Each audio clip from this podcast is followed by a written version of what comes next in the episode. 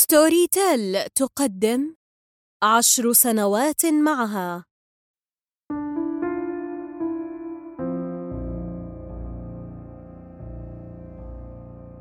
أمقتها وأتمنى لو تطالها يدي. أبغض مجالستها ولا أدعوها إلى أي من أحداث حياتي لكنها تلاحقني دوما. تتوسط أصدقائي ومائدة طعام أسرتي. بصوتها المزعج ورائحتها الكريهة. اللتين ما إن تحلا بمكان حتى أتمنى لو تخسف الأرض بي.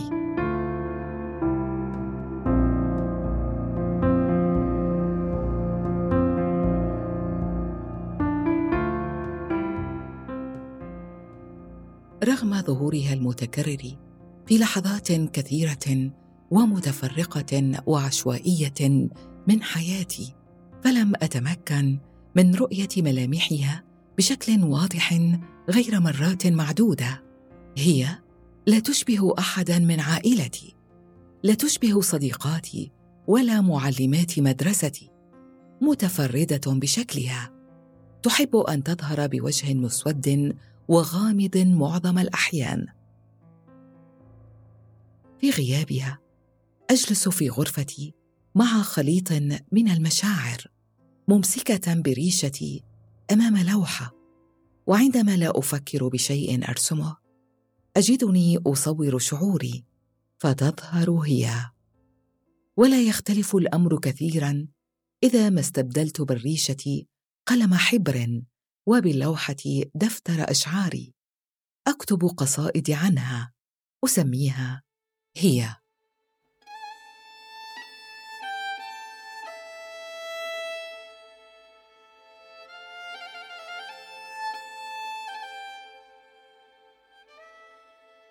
امرأة ضبابية الملامح ومجهولة الهوية تعبث بحياتي لما يزيد الآن عن عشر سنوات من أهم سنين عمري.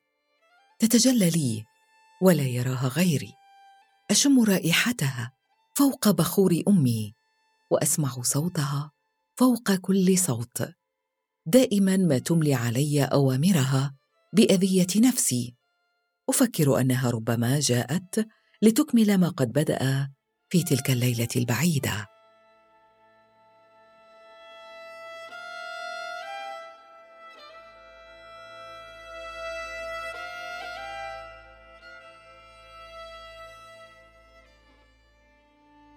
كنت في الثامنة من العمر في الصف الثالث الابتدائي عندما ذهبت مع أسرتي إلى تجمع عائلي لا أذكر تفاصيله جيدا.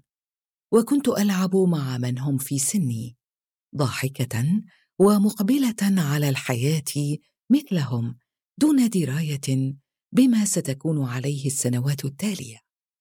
حتى حدث ما حدث في زاوية ملعونة داخل ذلك المكان.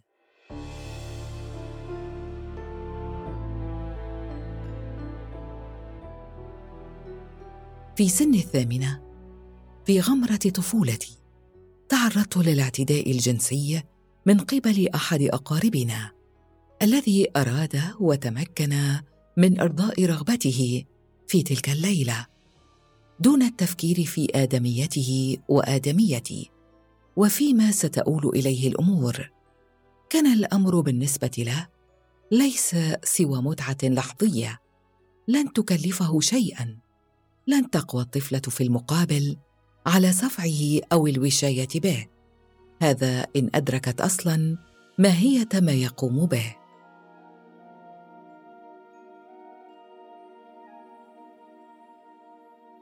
سارت الأحداث في السنوات التالية لتلك الحادثة حسب خطته. لم أشي به ولم أدرك معنى لما حدث سوى شعور الخوف المقترن برغبة في الصمت لوقت طويل حتى في ليلة الحادثة نفسها. لم أتمكن من نطق كلمة واحدة أمام أي أحد لا عما حدث أو مشاعري وبالطبع لم أستكمل اللعب.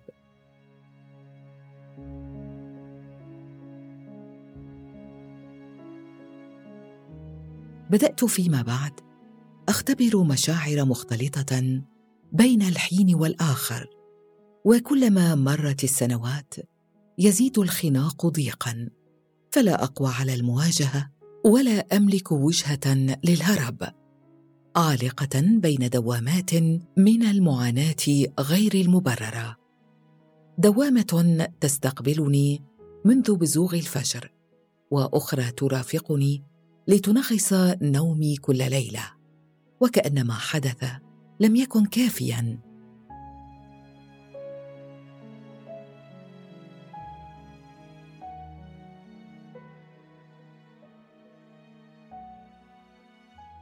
مرت سنة سنتان ثلاث سنوات ثم تسع. أنا أكبر ولم أعد طفلة.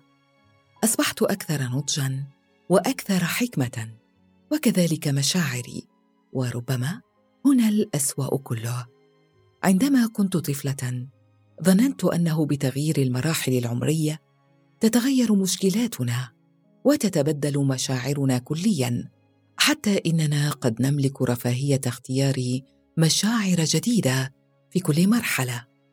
لكن يبدو أن ما حدث تلك الليلة قد وضع حدا لعالم التخيلي واستمر في ملاحقتي كظلي. فيتفاقم خوفي وتزداد رغبتي في الركض إلى ما لا نهاية. أحاصر بالتوجس من كل شيء. ثم أخيرا تأتي الهلوسات.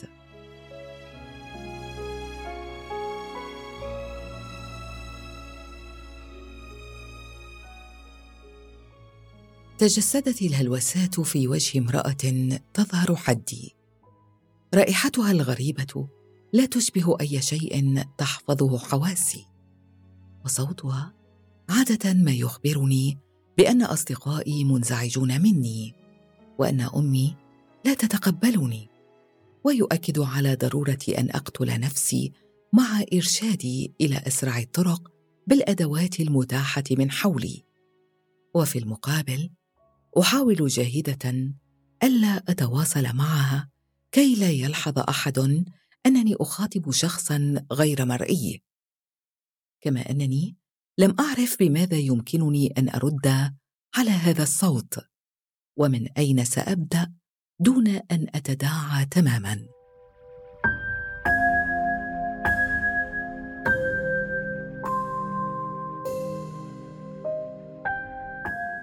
بلغت سن الثامنة عشر وأنا أحمل تلك الحادثة فوق صدري. في مشهد يشبه لوحة الجاثوم.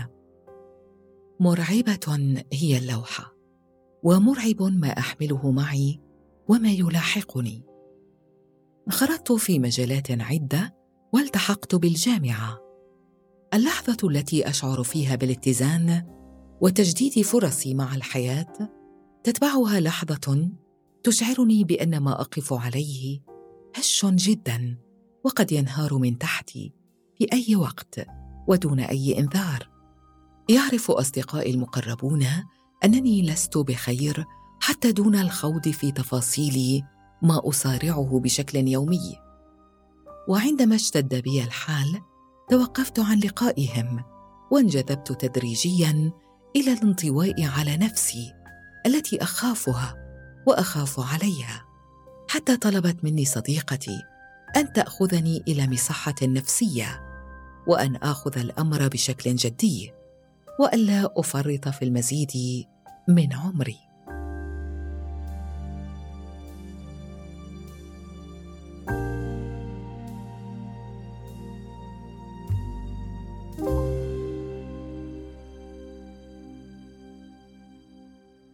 في جلسات العلاج النفسي الأولى تحدثت عن مشاعر الحزن غير المبرر والأسى الذي أحمله فوق كتفي وأسير به بشكل يومي دون وجهة.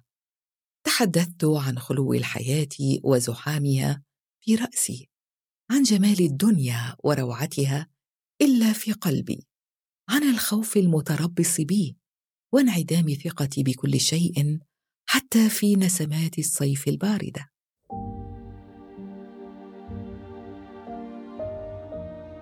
تكلمت مطولا عنها هي عن زياراتها ورائحتها كلما شعرت بأنني في مكان غير آمن.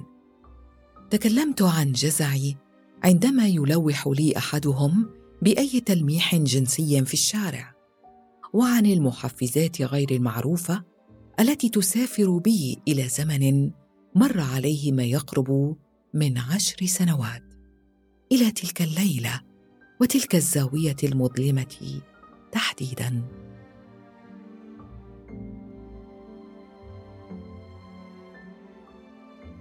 بعد عدة جلسات جرى تشخيص حالتي على أنها حالة اكتئاب حاد وحولتني معالجتي إلى طبيب نفسي كي نبدأ رحلة العلاج بالأدوية. وخلال مدة بسيطة تلتها جرى تشخيصي أيضا إضافة إلى الاكتئاب بالفصام أو الشيزوفرينيا.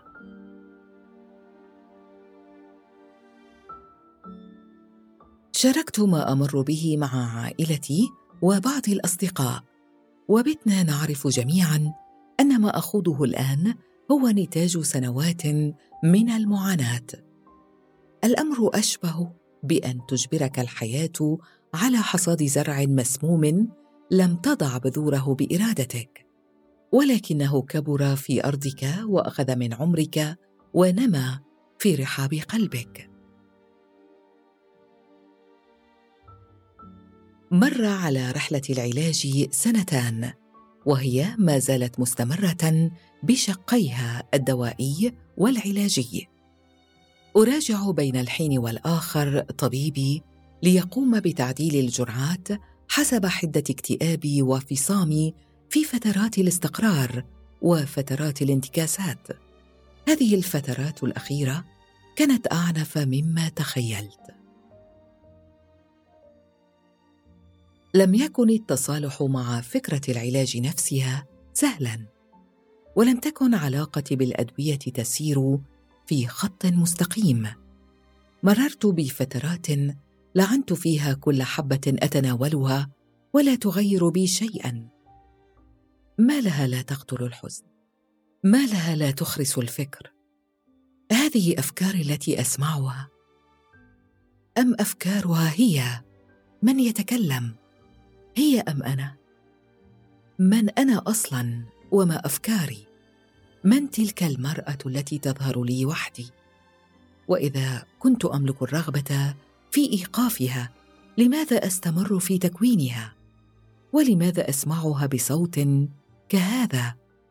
اهي انعكاس لشخصية صنعتها في رأسي عندما كنت أرغب مثلا في دمية جديدة قبل سنوات أم هي صناعة منفردة بشكل كامل لتلك الحادثة؟ متى سينتهي كل هذا الهرج؟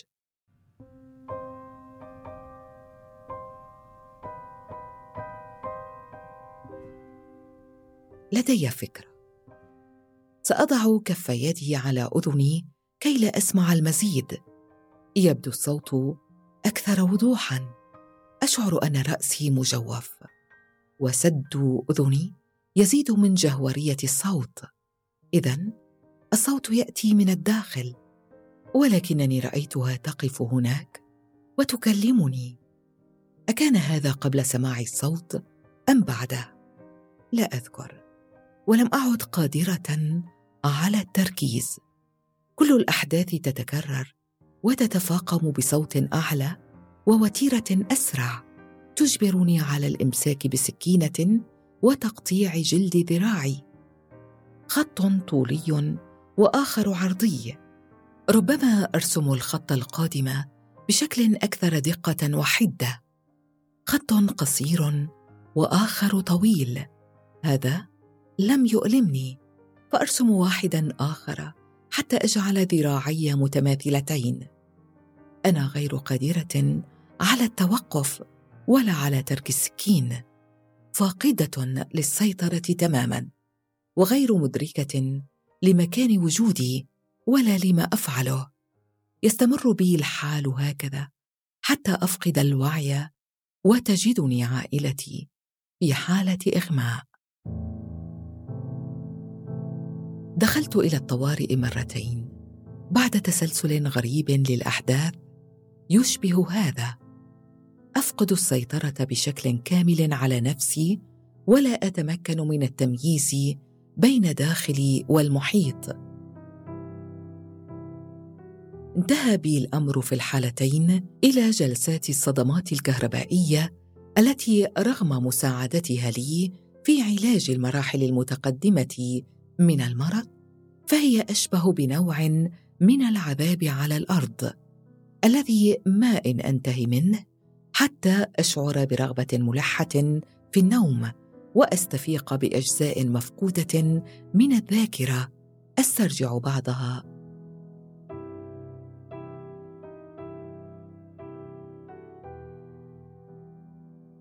أنا مستمرة في العلاج. أرجو أن أستبدل بتلك الأرض الملعونة أخرى قاحلة أزرعها كيفما أشاء وأن أمتع حواسي بواقع حقيقي دون هلاوس. كما أرجو أن أعيش عمرا وأرسم فنا وأكتب شعرا خاليا من هيام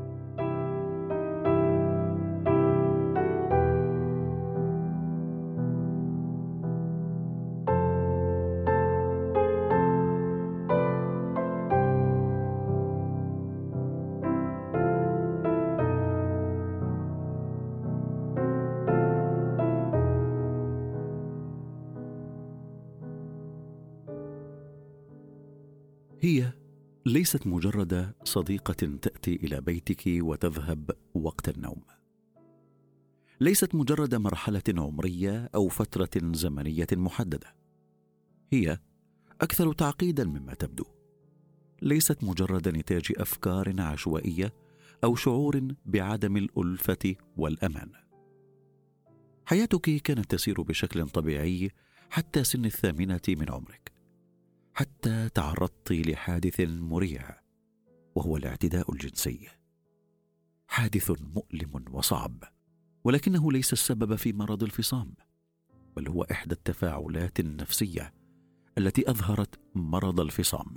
فالفصام هو اضطراب حاد في الدماغ يشوه طريقة الشخص المصاب به في التفكير التصرف التعبير عن مشاعره وكذلك رؤية الواقع كما هو. وفهم التعاملات المتبادلة بينه وبين من حوله وهو استعداد وراثي. مما يعني أنك كان لديك جين الفصام منذ لحظة ولادتك ولكن ظهرت عليك الأعراض عندما مررت بتجربات مؤلمة حفزت ظهورها دعينا نتفق اولا أن ما مررت به وحملته على عاتقك طوال هذه السنوات ليس بسهلا. الأطفال الذين يمرون بتجربة الاعتداء الجنسي يحتاجون إلى دعم من متخصص لكي يتخطوا التجربة. ففي مثل هذه الحالات تفهم الآباء ودعمهم لا يكون كافيا. الأخصائي النفسي وحده من يعرف كيف يحرر الطفل من هذه التجربة. وهناك سبل عديدة تساعد الطفل في التعبير عن نفسه مثل العلاج بالرسم أو باللعب. للأسف لم تتلقي هذه الفرصة. كبرت دون أن تتحرري من ألم الماضي. وبالعودة إلى حديثنا عن الفصام يفرق الشخص المصاب بالفصام بين الواقع والخيال فيجد صعوبة في فصل الحقيقة عن الأحلام ويعاني من مشاكل وظيفية في المجتمع في العمل في المدرسة ومع الأسرة أو شريك الحياة. قد يسبب مرض الفصام للمصابين به كثيرا من الخوف والانطواء على النفس. وهذا العرض كنت تعانين منه كما حكيت لنا. يمكن تقسيم أعراض الفصام إلى شقين وهما الأعراض الإيجابية وهي الأعراض التي تظهر على المريض بعد إصابته بالمرض والأعراض السلبية. فمن الأعراض الإيجابية مثلا الهلاوس والتي قد تكون مسموعة أو مرئيه هذه الهلاوس هي نتاج خلل في إدراك المريض للواقع. عقله يصور له أنه يرى أو يسمع شيئا غير موجودا. كأن يرى شخصا متوفيا أو يسمع صوتا لا يسمعه أحد غيره. ثاني عرض إيجابي أساسي عند مرضى الفصام هو الضلالات وهي تكون بمثابة معتقدات راسخة وهي في أغلب الأحيان خاطئة مثل أن تظني أن أمك وأصدقائك وكل من حولك لا يطيقونك.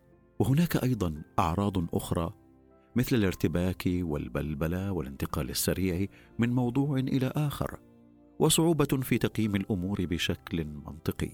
أما الأعراض السلبية للفصام فهي الانسحاب من الحياة الاجتماعية. نقص في الواقعية نقص في الطاقة فقدان الاهتمام بالحياة وبنفسك. أسباب الفصام لا تزال غير معروفة. ولكن يوجد عدة عوامل قد يكون لها دور في تكون المرض وهي عوامل وراثية عمليات كيميائية في المخ عوامل بيئية مثل الحوادث الصدمات الاعتداء الجنسي أو فقد شخص عزيز. ظهرت عليك بعض هذه الأعراض ولكنك لم تنتبهي إليها في بادئ الأمر. ظننت أنها طبيعتك البشرية وهذا ما يفعله المرض النفسي بنا. نظن أننا تحولنا لأشخاص معدومي الإرادة ولكننا قد نكون أصبنا بمرض نفسي مثل الاكتئاب مثلا.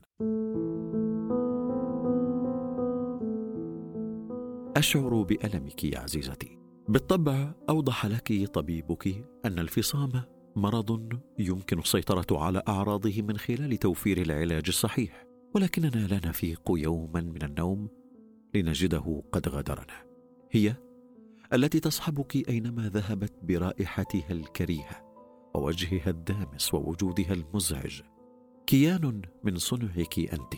قد يعبر عن مشاعرك تجاه هذا المرض الثقيل على قلبك. إيذاء نفسك عن طريق الكاتينج. هو وسيلة يستخدمها العديد من المرضى النفسيين كمحاولة للتأقلم مع ما يواجهونه من مصاعب. كالاكتئاب الحاد مثلا. ولكنه ليس الحل. الانتظام بالعلاج الدوائي وجلسات تنظيم إيقاع المخ أو الكهرباء ستقلل من الهلاوس بل وتوقفها تماما في بعض الحالات. هناك العديد من المفاهيم الخاطئة التي صورتها لنا السينما عن هذه الجلسات ولكنها ليست الحقيقة. تستخدم هذه الجلسات في حالات مختلفة وليس مع مرضى الفصام فقط. وبالإضافة إلى تقليل الهلاوس فهي تساعد على التخفيف من رسوخ الضلالات فتصبح غير أكيدة في عقل المريض ويعيد النظر فيها. تحدد عدد الجلسات حسب الحالة. ويكون المريض مخدر كي لا يشعر بأي ألم. بعد الجلسات يحدث فقدان مؤقت للذاكرة قصيرة المدى. كما أشرت بالضبط. العلاج ليس سحرا. وقد لا تزول بعض الأعراض.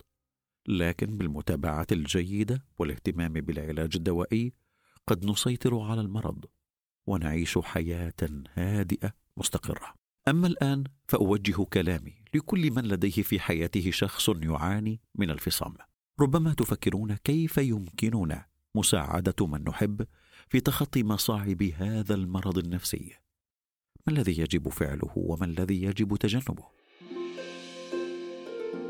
أحيانا تكون ضلالات وهلاوس مريض الفصام خيالية جدا ما يحفز الآخرين على السخرية منها وتحديها أو حتى اتهامه بالجنون أو عدم الواقعية. هذا بالطبع يثير مريض الفصام جدا ويزعجه. فإن قال لك أنه يرى احدا غير موجود فتحديه بأن هذا الشخص قد توفى مثلا ليس الحل. لا أقول أنه عليه تأكيد ضلالاته. بالطبع هذا غير صحيح. عليك بدعمه كي يحصل على المساعدة الطبية التي يحتاجها. وحتى يحدث ذلك يجب أن تحذر من هز ثقته بنفسه والسخرية منه. الأمر الثاني المتكرر بين أسر مرضى الفصام وأن الأب والأم أحيانا يسلبون من مريض الفصام حرية الاختيار ويأخذون جميع القرارات بدلا عنه بل ولا يعبؤون بشرح هذه القرارات له معتبرين أنه مريض وغير قادر على إدارة حياته بنفسه أو التصرف بحرية. هذا بالطبع خطأ كبير.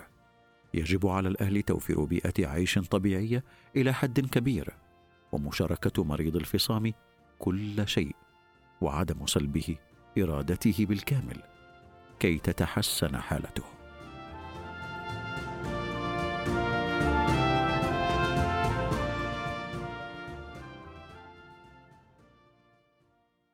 قدم الإرشاد النفسي المعالجة النفسية إنجي السعدي.